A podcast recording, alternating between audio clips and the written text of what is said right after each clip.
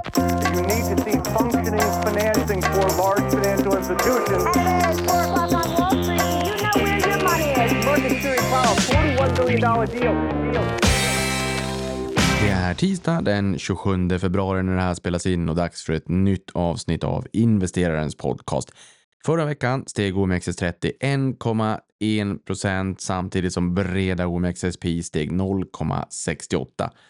Så fördel för eh, giganterna kan man väl säga. Och börsen befinner sig alltjämt i positivt territorium för helåret. Kul att se att, det, att vi fortfarande befinner oss där. Samtidigt är vi dryga procentenheten ifrån all time high som noterades den 4 januari 2022 för OMXS30. Alltså inte igår.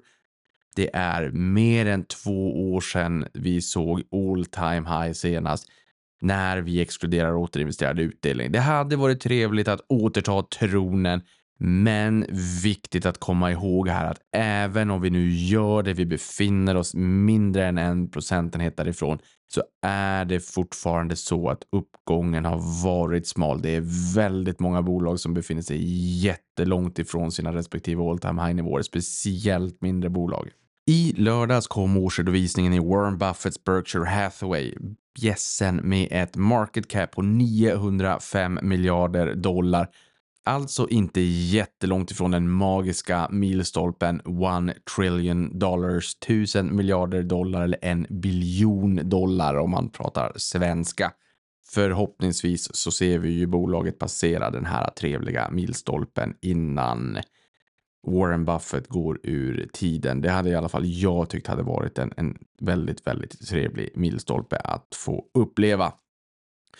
I senaste rapporten framgår det också att kassan har svällt till 167,6 miljarder dollar, vilket är en ny rekordnivå och motsvarar 1625 miljarder svenska kronor. Och här har ju stigande ränteklimat bidragit och gjort att ränteintäkterna nu faktiskt översteg mottagna utdelningar i bolaget senaste året. Och det är klart också att Geico, alltså försäkringsverksamheten i bolaget, där får man ju premier idag och sen så får man ju skadekrav i framtiden. Så som en försäkring fungerar. Du tecknar en försäkring idag, du betalar för dig och sen kanske det händer någonting i framtiden och att du då rapporterar in det här och får en ersättning för det. Men de här pengarna som kommer in idag ska ju också förräntas på något sätt och det har ju varit det som har varit lite magin i Berkshire Hathaway över tid, att man har fått en väldigt, väldigt billig gearing. Alltså kort och gott en hävstång, en väldigt billig finansiering för den här hävstången då så att säga. Nu så får man ju en högre avkastning på de här pengarna som man får in än man har fått tidigare tack vare ett högre ränteklimat. Då. Så ränteintäkterna har nu då överstigit mottagna utdelningar från innehaven här, vilket är lite intressant tecken i tiden. Då. Warren Buffett och Charlie Munger har lyckats skapa enorma värden i Berkshire Hathaway genom åren. Det tror inte att någon har missat. Under perioden 1964 till 2022 steg aktien hela 3 miljoner 787 464 procent, vilket är helt otroligt. Samtidigt så vet vi att ränta på ränta-effekten är en extremt stark kraft över tid. Även om min avkastning inte ens är i närheten av det här. Nu ligger den på runt 2400 procent på 20 år, inte ens i närheten av det här. Men, men, men det till trots så har jag ändå sett ränta på ränta-effekten göra magi över tid.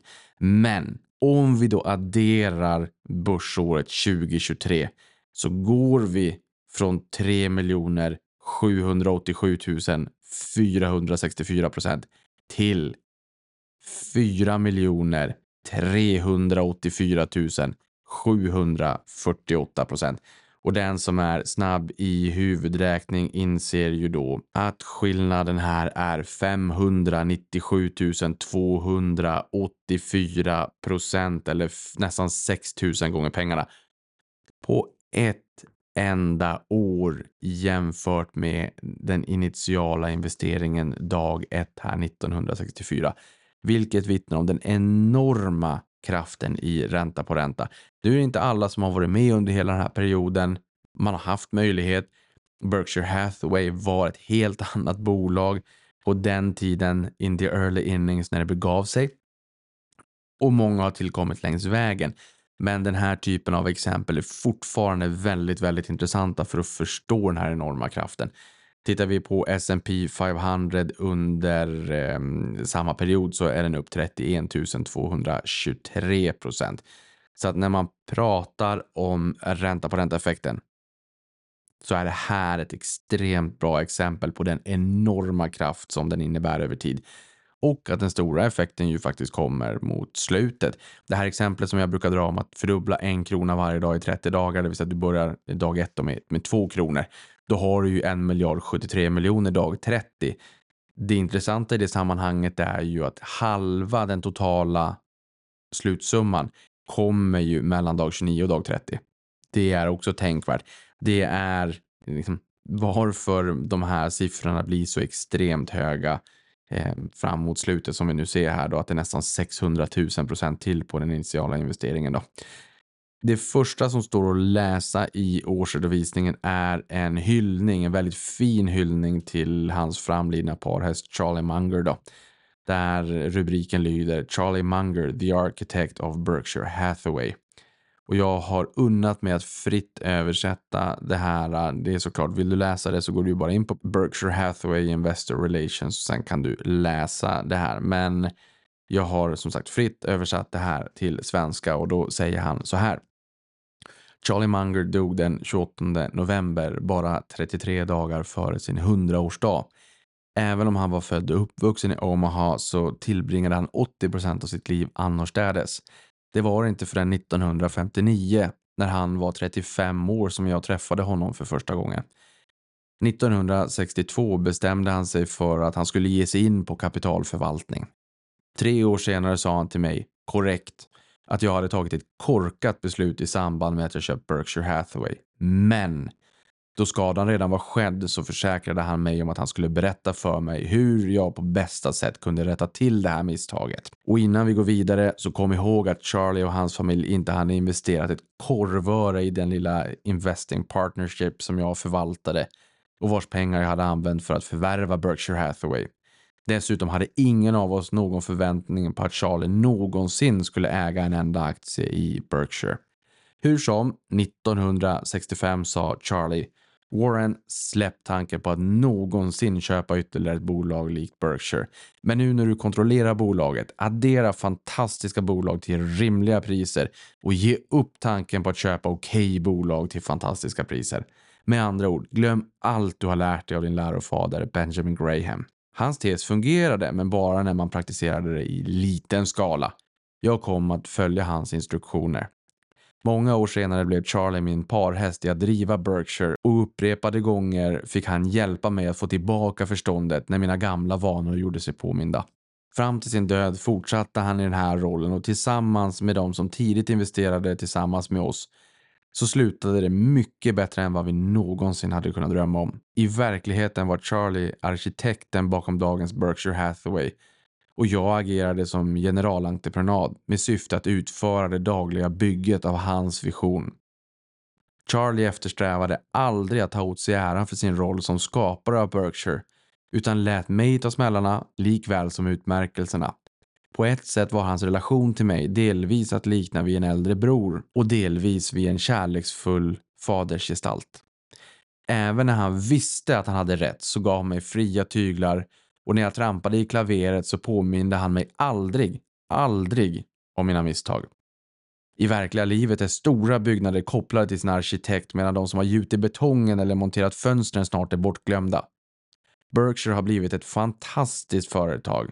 Om än jag under lång tid har varit ansvarig för teamet som byggt bolaget så bör Charlie för evigt bli ihågkommen som den som var arkitekten bakom framgången väldigt fina ord i den här hyllningen till sin framlidne parhäst Charlie Munger som har varit med under hela min resa på börsen, förmodligen också hela din resa i och med att han har varit där sedan urminnes tider.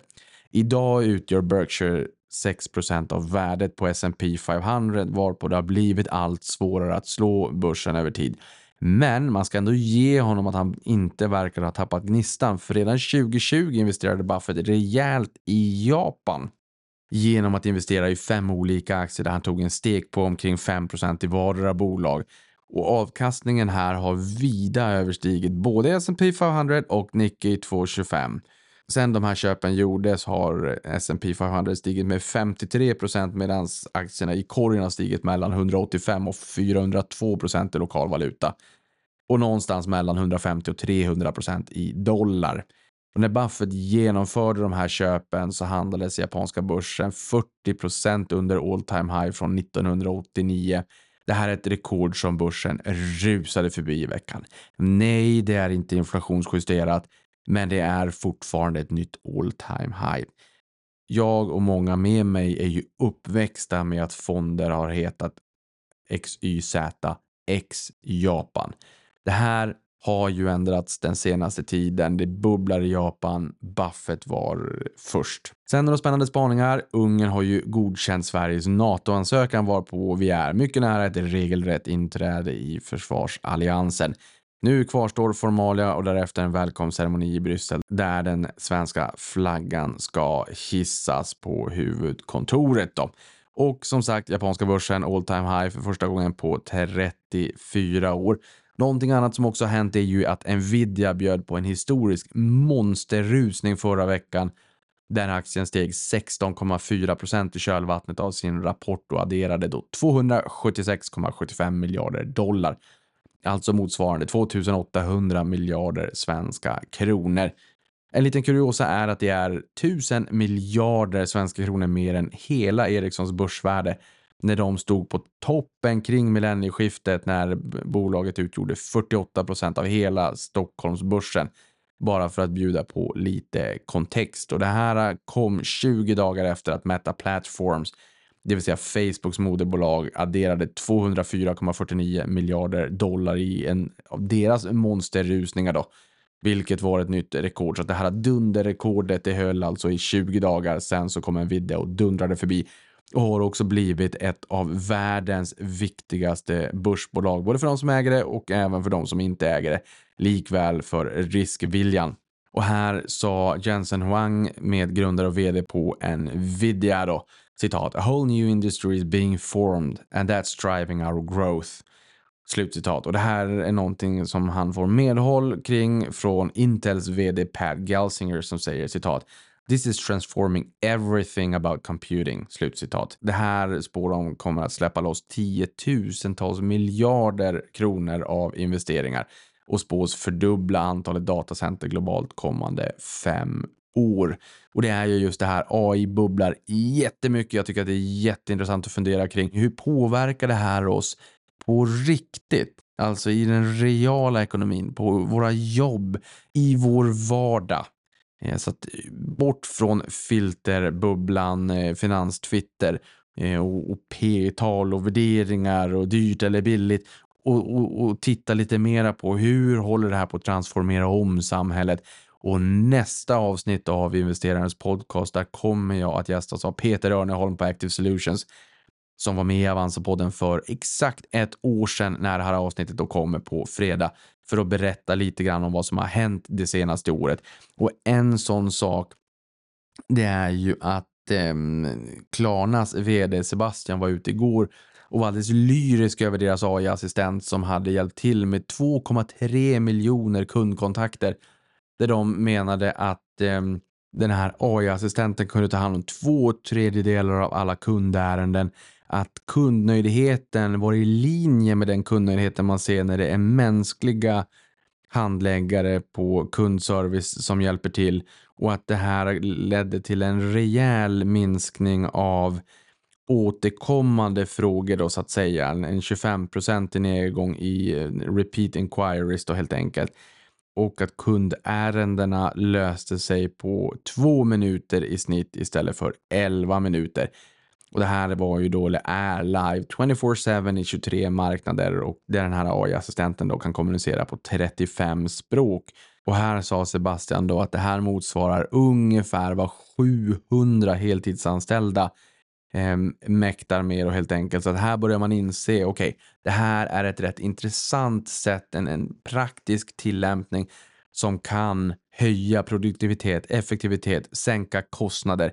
Här börjar vi prata riktig påverkan i den riktiga ekonomin och då kanske man också börjar inse varför den här hypen börjar sprida sig allt mer till allt fler bolag för att man ser de här praktiska tillämpningarna. Det här är inte inflationsdrivande. Det är väldigt, väldigt mycket tvärtom. Vi är fortfarande i, i väldigt early innings. Det är spännande att följa den här trenden. Alldeles oavsett vad man tycker så måste man hålla sig informerad. Det, det är min take på det hela. Och ju fler sådana här exempel vi får på praktiska tillämpningar, desto mer handgripligt kommer den här trenden att vara. Men eh, även om den har pågått ett tag så finns det fortfarande ett stort värde i att försöka göra sin hemläxa fortfarande. På noteringsfronten så hittar vi Reddit som nu har ansökt om en notering på New York Stock Exchange och bolaget säger sig ha 73 miljoner aktiva användare och 267 miljoner veckovisa användare. Så den första siffran det framgick inte om huruvida det var dagligt aktiva användare, men i och med att det är en väsentligt lägre siffra än veckovisa användare så borde det ju vara det då. Den största enskilda ägaren här är Advanced Magazine Publishers, ett bolag som då kontrolleras av Newhouse Family som äger 30,1 procent i Reddit. Och sen har vi den kinesiska jätten Tencent som äger 11 procent och OpenAIs vd Sam Altman som äger 8,7 procent och sen Fidelity på 8,4 procent. Och här har det också kommit information om att Reddit vill reservera aktier till de 75 000 största användarna i samband med börsnoteringen. En lite annorlunda twist tycker jag ändå ganska intressant att se hur, eh, hur det kan tänkas påverka. Med det sagt, ett litet nyhetssvep och där har vi Avanza som har utsett sin nya VD. Valet föll på Gustav Unger som fram till beskedet satt i styrelsen för Nordnet. Ett uppdrag han naturligtvis lämnade med omedelbar verkan och han har ju dessutom erfarenhet från storbanker såsom SEB och Nordea.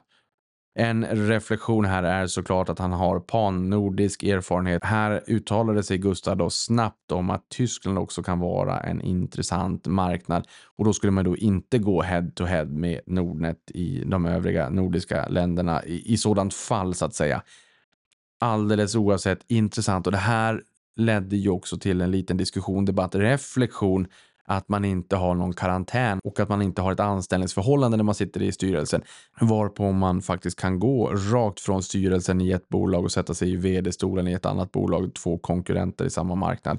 Eh, intressant. Tror att eh, det har lett till en del reflektioner hos många. Sen har vi Kinnevik som har sålt hela sitt innehav i Tele2, bolaget som Jan Stenbeck grundade på 80-talet för att utmana monopolet Televerket, alltså dagens Telia Company. Något som gjorde att priserna sjönk rejält i Sverige och prislappen landade på 13 miljarder kronor och var 13 procent högre i förhållande till stängningskursen dagen innan. Köpare var den europeiska telekomkoncernen Iliad. Nu saknar Kinneviken kassako men sitter samtidigt på en nettokassa om 20,9 miljarder kronor. Det är pengar det med. Adobe har testat en ny generativ AI-chattbot i sin programvara Acrobat, alltså programmet bakom den klassiska pdf-filen. Och chattbotten ska kunna sammanfatta dokument, besvara på frågor och ge rekommendationer baserat på innehåll. Och nyttan här är i min bok glasklar. Spännande. Sen har vi Storytel som har lanserat AI-tjänsten Voice Switcher i fjol där lyssnarna kan välja på olika AI-genererade röster. Nu har den också släppts på svenska marknaden. Lyssnaren har fem olika röster att välja på, däribland den populära Stefan Sauk. Och enligt bolaget har då 89 av kunderna någon gång valt att sluta lyssna på en ljudbok på grund av att rösten inte har tilltalat dem. Sen kan man ju också fundera på vad det här gör med den största kostnadsposten, alltså inläsningen.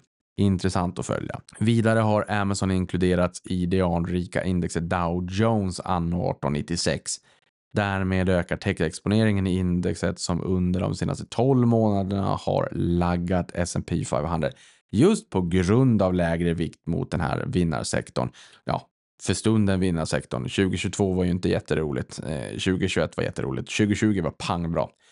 SPX upp 28 procent year on year och Dow Jones upp 19 procent. Så det är en ganska hygglig spread mellan S&P 500 och Dow Jones senaste året. Sen har vi Maersk-ägda Switzer, din vän i Börsbukten och tillika världens största leverantör av bogseringstjänster. De vill bli en utdelningsaktie efter börsnoteringen på Köpenhamnsbörsen i april. Alltså en avknoppning och särnotering. Och det här bolaget grundades 1833 och förväntas börja handlas då den 30 april. Sen sist men inte minst så har vi styrelsen i Renewcell som har beslutat att ansöka om konkurs. Och skälet uppges vara att de inte har lyckats säkra tillräcklig finansiering för att kunna slutföra sin strategiska översyn som de aviserade i slutet på förra året. Och största ägare här i ägarlistan är H&M, Hennes Mauritz. Med de orden, avkastning på dig, så hörs vi igen nästa vecka. Stort tack för att du har lyssnat på det här.